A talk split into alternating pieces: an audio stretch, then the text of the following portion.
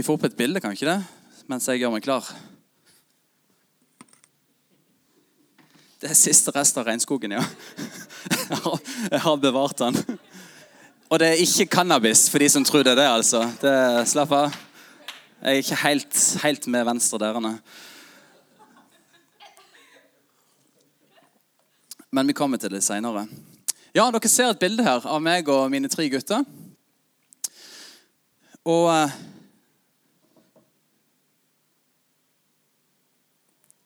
For de som ikke har barn og familie, så kan det ofte tenkes å, det ser så koselig ut. Å, så, så greit. Sånn må det jo alltid være.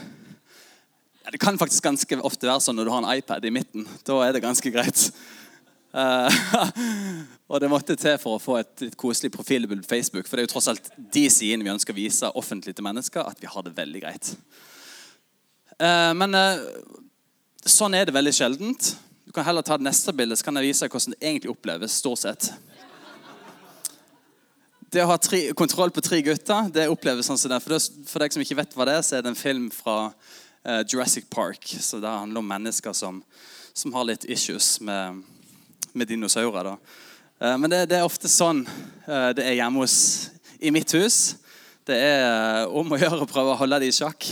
Underholde dem, opp, oppdra dem, lære dem ting. Og passe på at de ikke tar livet av meg og Stine.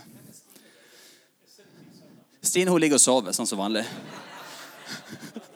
Nei, jeg gjør ikke det. Jeg vet ikke. Nei, det virkelig, når det virkelig tar av, da, da, må jeg inn og være litt streng. Sånn er det av og til.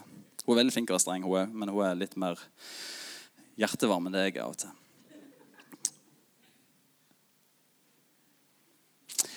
Yes, Vi ber litt sammen. Takk, Jesus, for eh, dagen i dag. Takk for muligheten i dag til å gjøre noe nytt med livet vårt. Takk, Gud, for at du inviterer oss med på en utrolig spennende, av og til smertefull, men utrolig innholdsrik reise sammen med deg. Takk, Jesus, for du eh, ønsker å være sentrum i livet vårt. Takk for du inviterer oss inn til den relasjonen. Og jeg takker, Herre, for du har gitt dere så mye visdom, du har gitt dere så mye kraft gjennom din ånd, kjærlighet. Takk for alle fruktene som kommer på en måte gjennom deg når vi har det fellesskap med deg. Alle de gode sidene du har som, som kanskje jeg av og til ikke, ikke, har. Spesielt i forbindelse med barneoppdragelse, f.eks.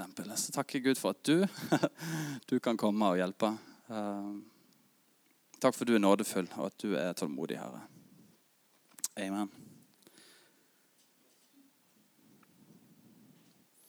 Yes. Jeg skal snakke om eh, å bevare hjertet sitt.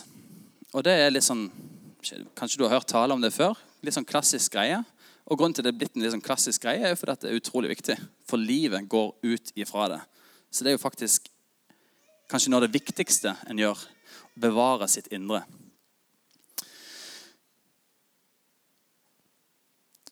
Guttene mine, han eldste da Det er litt greit ikke de er her, for nå skal jeg baksnakke de litt. Det er derfor vi har søndagsskolen, så jeg kan si hva jeg vil. Nei, um, For et halvt års tid siden så kom, eh, så kom vår eldste gutt han kom hjem og, og uh, rakk opp langfingeren og viste 'Pappa, vet du hva det er for noe?' blir, altså det er jo ofte sånn I barneoppdragelse du blir, du blir ofte tatt på senga. Du blir ofte litt satt ut. For spørsmålene de kommer bare. og det, er ingen forberedelse. At nå kommer det et vanskelig spørsmål, eller nå gjør jeg et eller annet som jeg ikke burde gjøre. Så fingeren kom fram. 'Pappa, vet du hva det er for noe?' Og jeg bare «Eh, 'Hva er det for noe?'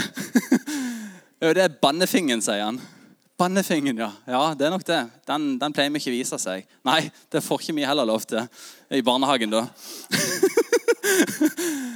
Og bare, ok, Jeg prøver å roe ned litt. Jeg ønsker liksom ikke å ha så mye fokus på dette, så jeg sporer av på andre ting, og, og, samtalen går videre. Men det er litt sånne pop-ups med de her tingene som, som uh, en aldri ser hjemme i vårt hus. Stort sett, eller, Nei, jeg gjør faktisk ikke det. da. Men, men uh, som de kanskje snapper opp andre plasser. Uh, og så var det nå i Han har begynt på skolen nå. og klart, Der er det jo òg mange inntrykk mange andre elever, eldre gutter og jenter, som har funnet ut av litt andre ting enn det han har gjort, som, som han ser da, og får tak i. Så, så kommer jeg hjem og, og, og viser fingeren igjen, og da har han skjønt hva det faktisk betyr. for noe. Det er ikke bare en bannefinger, men det er F-ordet liksom, på engelsk. Jeg har ikke lyst til å si det i respekt for de som skal høre, på podkast senere. Men uh, Jonathan da, han får jo tak i dette. Han er to år yngre og skjønner hva det her går i. Og Vi sprøsporer av og sånt. Uh, men, men, de har på en måte fått gått inn i dør og fått måte et inntrykk av en litt annen verden enn det vi har hjemme. Um, og tenker ja, det er bare en fase. Det er ikke så farlig. Og det er det for så vidt ikke. Men, men uh, prøver ikke å gi det så mye oppmerksomhet. Så var det nå, for ikke så veldig lenge siden, lite uke siden, så, så, hadde jeg besøk av, av Lennart og Mika og Leon. Og Lennart og Mika satt inne i stua, og så kommer Leon springende inn. Han, de besøkte meg og Jonathan da. kommer Leon springende inn i stua. Det første Jonathan gjør, er ja, 'Vet du hva det er for noe?' viser han fingeren. og jeg bare 'Jonathan, sånn sier vi ikke.' Eller sånn gjør vi ikke. Og så, så sier jeg ja, det er F-ingen, liksom. Og så sier jeg Jonathan, sånn snakker vi ikke. Men pappa, jeg sa det ikke! Jeg skulle bare vise det. Og jeg, jeg, altså, prøver, altså, jeg, jeg, er jo sånn at jeg, jeg syns egentlig det er litt morsomt òg. For, for det, det, det, er bare så uh, ut av min verden, liksom. så jeg prøver å holde maska. Meg og Lennart sitter der bare prøver å på en måte holde oss. Bare, mm, vi gjør ikke sånn, ikke sant? Uh, så barneoppdragelse det kan være det er veldig innholdsrikt, veldig kjekt. Av og til litt utfordrende og selvfølgelig litt morsomt. Men det oppleves ofte som det bildet dere så i stad. Yes. Det er jo sånn at Barnas venner de har jo innflytelse på dem. Um, og på godt og vondt. Så er det sånn at Som foreldre så ønsker en jo at barna skal leke En, en kan styre dem på mange måter. En kan bestemme hvem de skal være med, hva de skal gjøre av aktiviteter, hva de skal bruke tida si på. Spesielt når de er små, så har en en veldig sånn styringsrett, og du påvirker dem i veldig stor grad hva du ønsker barna skal gjøre. Og så er det sånn at eh, for eksempel, jeg, har på en måte prøvd å måte få Manchester United inn i Benjamin sitt hode. At han skal heie på det laget, for de er best. Men så er det sånn at han går i en barnehage, eller han gikk i barnehage, og der fant han ut at nei, Liverpool de er jo best. Det er jo de som vinner for tida. så jeg har jo faktisk en Liverpool-supporter hjemme, og det er smertefullt. ja, ja, ja, ja, jeg trenger ikke bli overivrig her, Ansgar. Men en prøver så godt en kan å, å, kanalisere ting inn i en positiv retning. Og så har de noen sånn nykk av og til. Eh, etter hvert som de må vokse opp og bli litt større, så er det sånn at uh, Telefonen min den har ungene tatt. ja. Jeg skulle egentlig bare ta tida, så jeg ikke sporer veldig av. Men uh, jeg følger med. Men det er i hvert fall sånn at etter hvert som de vokser opp, så blir det litt vanskeligere å, å uh, bestemme hvem de skal henge med. En, en, en, en har på en måte et oppriktig ønske om at de skal kanskje være med den og den personen, fordi at de har positiv innflytelse på, på barnet mitt. ikke sant? Eh, en ser at kjemien kanskje ikke er kjempebra mellom de nå, og så prøver en på en måte å styre kanskje litt unna det. og på en, måte en, en, en styrer det så godt en kan, ut ifra et ønske om at barnet skal ha det godt. For det er jo faktisk derfor vi gjør det. Vi ønsker at barnet skal trives, ha det godt, eh, få inn sunne, gode verdier. Eh, at de skal lære eh, ting som gjør at de blomstrer, at de vokser. At, at, de, at de, har det vel med seg sjøl. Det er jo derfor vi er så hands on i oppdragelse for jeg ønsker å se de tingene. Samtidig så er det jo litt sånn Litt trist av og til når en ser litt sånn ut blant voksne, da. For det, er akkurat som at en ignorerer litt sine egne valg. At det går litt mer på tilfeldigheter, kanskje. Vi er så opptatt av at barna må være sånn og sånn og sånn eh, i forhold til å henge med de og være med på det og gjøre det, for det er bra for dem. Det vil gjøre at de vil få det godt, det vil gjøre at de blomstrer. Men så er en kanskje ikke fullt så opptatt med hvem en sjøl bruker mye tid sammen med, eller hva en bruker mye tid på. Det gjør en kanskje litt mer tilfeldig ut ifra hva en føler for. Paulus han skrev til korintermenigheten, og da skrev han i 1. Korinterbrev 1533.: La dere ikke føre vill. Dårlig selskap ødelegger gode vaner. På engelsk står det at dårlig selskap corrupts eller destroys eller tear down your character. Altså at det ødelegger kanskje en del holdninger, en del verdier eller en kultur du har kanskje satt i utgangspunktet at den ønsker jeg å ha, men så vil dårlig selskap være med å senke den standarden. Være med å påvirke at, at det er ikke så farlig. Og Paulus var veldig opptatt med dette i Korinterbrevet. og Hvis du leser Korinterbrevet, så vet du hvorfor, for der var det mye rart. Så han var veldig bevisst på at hei, dere som er i denne menigheten, herrene, vær bevisst på hvem dere har selskap med, hvem dere henger sammen med, hvem dere bruker tid med. Hvorfor? Jo, for dårlig selskap vil ødelegge dere, vil påvirke dere i negativ retning. Så han var veldig opptatt av det. Og Vi skal ta oss og lese litt sammen. Uh, jeg trenger egentlig den telefonen min. Noen som har lyst til å springe ned og Ja, nydelig.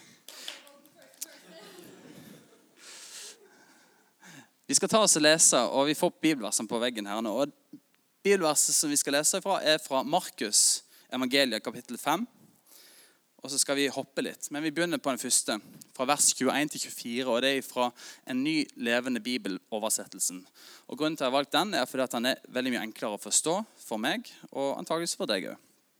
Og får fram en del gode poenger som jeg ønsker å få fram. Og Der står det da Jesus hadde dratt tilbake til andre siden av sjøen, samlet mye folk seg rundt ham. Mens han var der på stranden, kom lederen for synagogen til ham. Han het Jairus.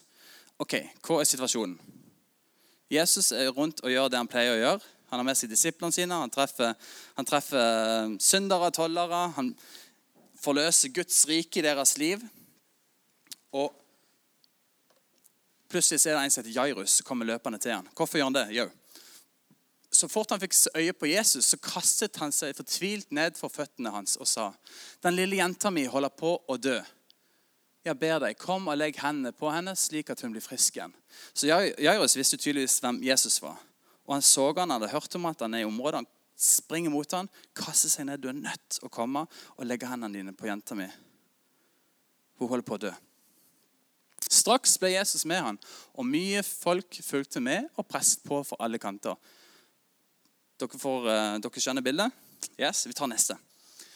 Mens Jesus fortsatt snakket med kvinnen, kom noen med beskjed eh, fra hjem, eh, hjemmet til Jairus og meldte til faren. Det som har skjedd nå, jeg hoppet litt noen vers, det som skjedde at Jesus på vei til Jairus sitt hus har plutselig fått ei dame som tok i hans kappe eller kjortel og ble helbreda fra en blødersykdom. Han sitter nå og snakker med henne, og mens han gjør det, det er masse folk, så kommer det noen fra huset til Jairus og sier ifra om at jenta di er død. Det har ingen hensikt at du bryr mesteren lenger. Jairus, du kan bare gi opp. Det er for seint. Men Jesus han tok ikke notis. altså Han brydde seg ikke. Ikke bry deg. Han sier, 'Ikke vær redd, fortsett bare å tro'. Altså, Snakk om dedikasjon. Det kom en melding på øret. 'Jenta er død.' Det nytter ikke. Men Jesus har sett noe. Ikke bry deg. Ikke vær redd. Bare tro. Lenger framme lot han bare Peter, Jakob og Johannes følge med helt fram. Hva legger dere merke til her? Det er masse folk rundt, eh, Jesus, men lenger framme velger han kun å ta med seg Peter, Jakob og Johannes. Hvorfor? Det skal vi finne ut av. Neste. Da de kom fram til Jairus sitt hjem, så Jesus at huset var fullt av mennesker som høylytt gråt og klaget. Hvis dere har sett på filmer eller kanskje vært til stede eller på nyhetene, sånn, hvis det er dødsfall, sykt, ting som skjer som er tragiske, spesielt nedover Midtøsten, så har de en ganske annerledes måte å, å uttrykke deres følelser rundt det her. Vi nordmenn kan ofte jeg tror vi ofte bare blir veldig stille. Sånn respekt, sørgelig, stille greie. Men her er det fullt hylekor. Det er jamring, det er hyling, det er tårer. det er Følelsene skal ut. Og må det klager og, og, og sørger over dette som har skjedd. Men Jesus han går inn til dem og sier, 'Hvorfor gråter dere? Hvorfor er dere så opprørte?' Jenta er jo ikke død. Hun sover bare.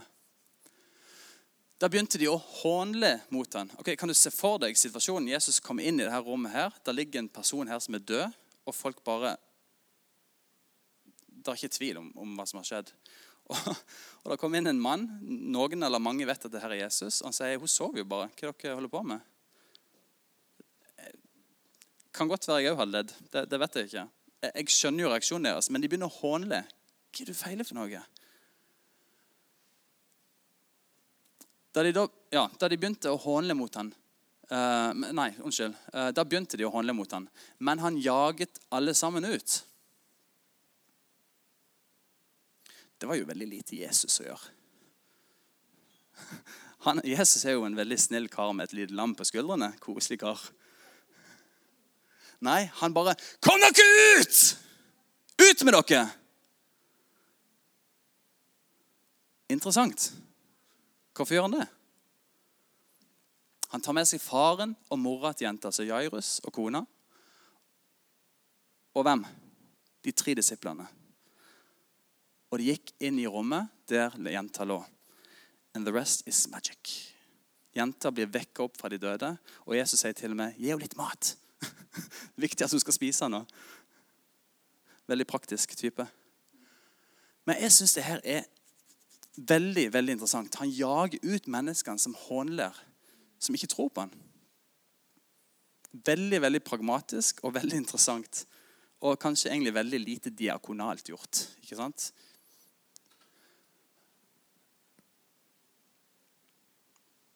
Hvorfor gjorde Jesus det han gjorde? Jeg har lagt merke til og vært veldig opptatt i siste, kanskje siste året av det her med hvordan Jesus forholdt seg til andre mennesker. Hvem han omgikk med, og på hvilken måte han gjorde det. Når jeg vokste opp, så husker Jeg det var, jeg tror jeg har sagt det før i en tale, når jeg vokste opp så var det et veldig, veldig sånn, nesten litt overfokus på at vi må jo være sammen med mennesker som ikke er kristne. Vi må ut og være lys der ute i verden. Få dere masse ikke-kristne venner. Og Det var jo en, en, en, god tanke bak det. For vi skulle ikke bli så inneslutta og ja, bare meg, og her har vi det trygt og godt. Farlig der ute. Men hvis du ser på Jesus, da For det som ble brukt, argumentasjonen var jo at Jesus han var jo med syndere og tollere. Ja, det var han. Men hvis du ser litt på hvordan faktisk Jesus levde, hvem var det han omgikk mest med? Johannes var den disippelen som han hadde kjær. Han elska Johannes. Det var en sjelevenn. Antagelig så brukte han mest tid sammen med Johannes. Og så var det Peter og Jakob og Johannes, da, de tre. De har han med seg på spesielle arenaer, sånn som du ser her. Og så hadde du de tolv, de ni andre. Det var òg nære venner, disipler som fulgte han. Men han hadde de tolv, så hadde han de tre, og så hadde han den ene. Og utover de tolv så var det titalls, kanskje hundrevis av etterfølgere. Det var det spesielt veldig mange damer som fulgte han, og det var jo uhørt i den tida at damer skulle være med og bli undervist av en rabbi, rabbiner. Han underviste dem, han oppmuntra dem, han sendte dem ut. Han lærte dem ting. Og utover det igjen så var det flokker som fulgte han som svideste. Men hva gjorde han? Jo, han kutta det av. Han visste at nå skal det skje noe. Og hva trenger jeg da? Da trenger jeg ikke masse folk som tviler. Da trenger jeg ikke masse folk som skal le av meg. Da trenger jeg ikke masse folk som stiller spørsmål med det jeg skal gjøre. Da trenger jeg mennesker som er dedikert. Da trenger jeg mennesker som snakker liv, som har sett det før, som er med og gjør det igjen. Mennesker som, som, som jeg har tett mitt liv, tett mitt hjerte. De skal være med meg nå. Og til og med når de kommer fram, så kaster han de ut. Og da, da, er mitt spørsmål, da ranser jeg mitt, mitt liv òg. Hvem i all verden er det jeg, Kristoffer, hvem er det du har med deg inn i Jairus sitt hus? Hvem er det du tar med deg inn i dødsskyggens dal når du vandrer og har det kjipt og tøft? Hvem er det du har med deg? Hvem er det du har med deg når du går rundt Jerikos murer og venter på et gjennombrudd? Hvem er det du har med deg og bygger på Noas ark etter 10 år, 20 år, 40 år, 50 år, 100 år, ikke antydning til regn. Hvem er det du har med deg? Gud han har en hensikt med ditt liv, og han vil at du skal lykkes. Han har så fantastiske planer, han har framtid og håp med ditt liv. Og han har gitt deg, han har gitt deg noen helt konkrete og viktige nøkler. Og hva er det? Jo, dine vennskapsrelasjoner. Og du, Vi ser det på Jesus, hvordan han var dedikert i forhold til hvem han hang med, og når han hang med dem. Han var mye syndere og tollere, men det var definitivt ikke de han hadde nærmest sitt liv, som han lot snakke inn liv i. Som han tok med seg når vi skulle når det var ting som var tøft. Når vi skal be i Getsemane. Han tok ikke med seg masse syndere og tollere. Nei, de, var han med for å forløse Guds rike over. For å være med og velsigne, for å, for å helbrede, for å, for å forkynne de gode nyhetene om at nåden har kommet. Men de han hadde nærmest sitt liv, var mennesker som hadde tro på han, som talte liv, som backa han, som var med til siste slutt.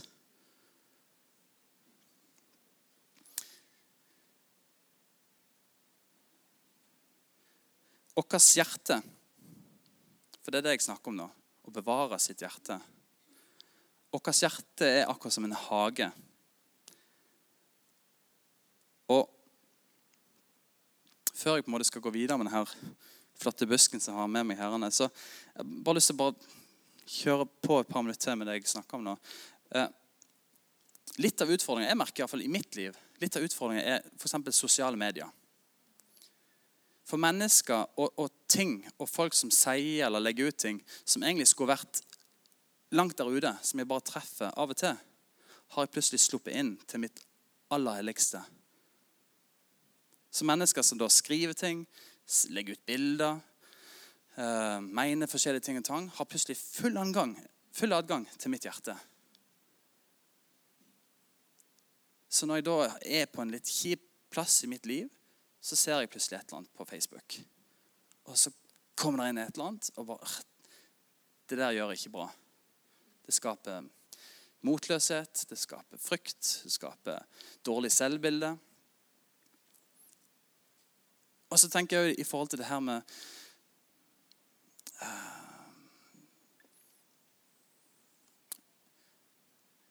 ja, For noen år siden Det er tre-fire ja, Tre-fire år, ja, tre, år siden Jeg husker meg og Stine satt hjemme og snakka rundt ting og tang. Og sånt, og så husker vi snakka om det at åh, jeg savner så å ha én eller to eller noen bestevenner. For vi, vi, hadde jo mye venner. Som jeg, jeg savna så det å ha en sjelevenn. En som jeg bare kan Som kjenner meg inn og ut. Og Stine er jo selvfølgelig en av de, men jeg tror det er viktig med venner òg utenom, utenom, din eh, ektefelle. Det er viktig å ha noen hvis du er en mann, så er det viktig å ha noen menn du står sammen med. Hvis du er en dame, så er det viktig å ha noen damer du står sammen med. i tillegg til den du er gift med. Men jeg husker vi satt og snakka om ting, og, og, og, jeg husker jeg delte det. For jeg, jeg savna det virkelig. For jeg hatt, en har hatt det gjennom perioder. En har hatt mange gode, så har jeg hatt noen dårlige venner jeg hang mye med. Men spesielt de senere årene så har jeg hatt noen, noen, få, men utrolig gode venner. Og det hadde jeg ikke når jeg flytta hjem til Flekkefjord. Og det gikk to, tre, fire, fem år før, før det begynte å skje noe. Men vi satt og snakka om de her tingene. Og jeg husker bare ja, må, jo, må jo bare be om det. Jeg klarer ikke helt å se hvem det skulle vært. Det var liksom ikke veldig tydelig. Det er ikke sånn jeg bare legger ut Facebook. Jeg trenger en sjelevenn som er interessert. Kan være det funker, men ja, det kan være det skaper mye problemer. Men jeg husker jeg bare begynte å be, da. Og etter et, jeg, klart Det var ikke sånn de sto på døra dagen etterpå. ja, vi kjente for Gud at vi skulle være sjelevennen din. Uh, nei, men det har begynt å skje noen ting i mitt hjerte og hos noen andres hjerte. Og spesielt Åsmund vokste opp og ble en sånn venn for meg. Og er en sånn venn for meg. For han var ansatt i PK som ungdomspastor. I, han, vært, han, var det nå i sju år. Og de første to, tre, fire årene så var han en ansatt. Han var en som, som Ja, det er flott, det. Jeg traff han av og til fordi vi skulle det, og det var gøy. og sånt. Men spesielt de siste tre-fire årene, tre årene så bare vokste han opp til å bli en skikkelig sånn fantastisk mann. Som bare vet er lojal til, til døden. Høres jo veldig voldsomt ut. Skal ikke dø ennå. men, men en virkelig mann som bare stoler på, som jeg vet er med uansett. Som, som ber for meg, som, kan, kan sende meldinger til meg bare midt på natta. bare et, altså, et skikkelig sånn David-Jonathan-forhold, som det står om i Bibelen. Hvis du ikke kjenner til det og, og, og, lurer på hva det er, for noe, så må du lese om det. David og Jonathan var et fantastisk eksempel på et vennskap som, til etterfølgelse. Men det er ikke alle mennesker som skal ha den relasjonen til deg. Jeg tror vi har lett for å gå i fella til at vi, vi plukker ut noen folk som vi blir sjarmert av, som, som, eh, som, har ting som ikke vi har, som bekrefter dere på en eller annen måte, som er tøffe, kule, sier de rette tingene, har de rette jobbene. Altså, og så tar vi de så nærme hjertet vårt. Men så er de kanskje ikke der de skal være. Jeg mener at de, de, de vennene, de få venner, for det bør ikke være veldig mange men Hvis du ikke har det, hvis du da skal på en måte begynne å leie etter det og be om det, eller kanskje du har det nå, at du har mennesker som står tett i ditt hjerte Det jeg mener, og det mener jeg òg, og jeg kan vise det hvis du lurer på det, her, men det er grunnlag for å si det ut ifra Bibelen òg, men de som er nærmest ditt hjerte, bør definitivt være mennesker med fullt av Guds ånd. At de er frelst, at de er kristne. At det er mennesker som har en sunn, god karakter, som ikke drar deg ned, men som er med å løfte deg opp. At det er mennesker som kan tale liv, altså oppmuntre deg. Mennesker som kan tale sant inn i livet ditt. Har du litt ugress, ja vel, så kan de faktisk si at dette, dette er ikke bra. Hva tenker du om det? liksom? Uten at det er kritikk i det, men heller kjærlighet. Har du ikke en sjelevenn, en venn som du bare ser gjennom deg. Det er bare Ja. Så begynn å be om det. For jeg, jeg er overbevist om at det trengs for å faktisk komme ut i det som Gud har for deg. Eh, det er vanskelig å gå på den veien alene. Det er vanskelig, eh, det er nesten umulig. Vi, vi har fått nøkler av Gud til å ha relasjoner med mennesker. Og det er viktig at de er i en rett rekkefølge. Her om dagen så klipte jeg plenen. For vi har faktisk en plen hjemme.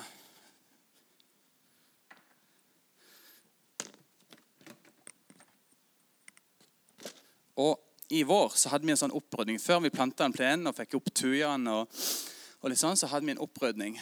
Og du kan si det var ikke grønt i det hele tatt, men av en eller annen merkelig grunn så bare Og så blir det bare kanongrønt. Ugress og ormegress og strå og blomster og lyng og bare Det tar helt av. Og så var det sånn at i det ugresset, mens vi drev på og brente og lukte og herja, så eh,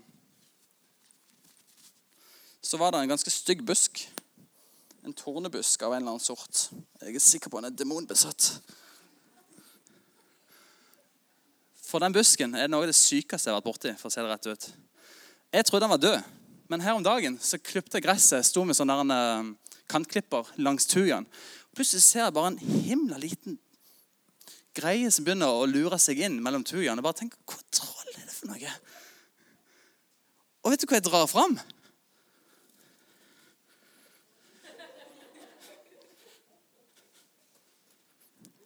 Han er jo søren altså Han er jo tre-fire meter lang. Ser dere hva det er for noe? Den syke tingen her kommer, Jeg ser han bare ligger på, på vei inn gjennom tujaen og inn mot plenen. Og jeg bare, jeg tar, ikke sant? Du ser for deg det. Jeg tar han herrene. Au! Og så tar jeg han opp og så bare drar jeg. Ser jeg bare, Han tar jo ingen ende! han er så sykt lang! Og idet jeg skulle fjerne han og ta han vekk, så stikker jeg meg på fingeren. Og den ble betent. Og det kom en kul som jeg nå har klart å bite hull på og fått vekk et eller annet drit inni. Og, og, på en måte Du skjønner hvorfor jeg sier han er demonbesatt? Han er jo helt syk. En av som vet hva det er for noe? Ja. Takk. God. Det har jeg òg skjønt. Men den her har jo vokst jeg vet ikke jeg, fire-fem fire, meter. Eller ja, noe sånt. På fire-fem måneder. Jeg, det var, jeg lover deg, det var helt tomt i vår. Planta hekken og plenen og sånt. Og fire måneder senere så kommer denne galnedommen her krypende inn. Og, og, For meg ble det en sånn skikkelig sånn tale til, til, til, i forhold til det her med at hvis en ikke er klar over eh, hagen sin, hvis du ikke på en måte er på, hvis du ikke passer på, hvis du ikke gir næring, hvis du ikke rive opp ugresset, hvis en ikke er på og passer på, så, ville det jo blitt helt vilt der nede til slutt. Men det at jeg faktisk var klar over at jeg må stelle, jeg må passe på Jeg, jeg vet hva jeg vil ha der, og jeg vet hva jeg ikke vil ha der. Så klarte jeg å avsløre denne lille rakkeren som var på vei inn. Og jeg bare Hva er du for noe? Og jeg tenker I ditt liv og i mitt liv så tror jeg det er utrolig viktig å verne om hjertet sitt. Og Det kan kanskje høres brutalt ut, og du kan ikke være uenig med meg, men det bryr jeg meg ikke om. Jeg tenker det her er avgjørende for at du skal ha et frodig, godt, blomstrende liv. Og velge dine venner med omhu. Altså tenk før du begynner å, å investere masse i et annet menneske. Det er ikke det at vi skal, nå skal vi passe på hvem vi henger med. og Uff, det er så farlig med den og de. Og, ikke det hele tatt. Vi skal definitivt være ute blant mennesker. Vi skal definitivt sitte på en pub og snakke om mennesker. Vi skal selvfølgelig være på arbeidsplasser og være et lys. Vi skal være frimodige som bare det. Og vi skal henge med dem, skal invitere dem med hjem. Men jeg tror det er kjempeviktig at du ikke tar dem for nærme ditt hjerte hvis det ikke er mennesker som, som du vet påvirker deg i en god retning. Og da tror jeg det er kjempeviktig å, være, å ha det i bakhodet. At hvis du skal ha de her sjelevennene hvis du ha så, så, så må, Jeg klarer ikke å få sagt det tydelig, men jeg, tror det er livsviktig at det er mennesker som er frelst, som er fulgt av Guds ånd, som taler liv. Det går selvfølgelig an å ha gode venner som ikke er kristne. det er ikke det jeg snakker om. Men jeg tror det er viktig for at du skal ha et hjerte som er sunt, som er godt, som vandrer i den hensikt som Gud har for deg. At de nærmeste ditt hjerte er mennesker som taler liv. Ja, skal vi reise oss?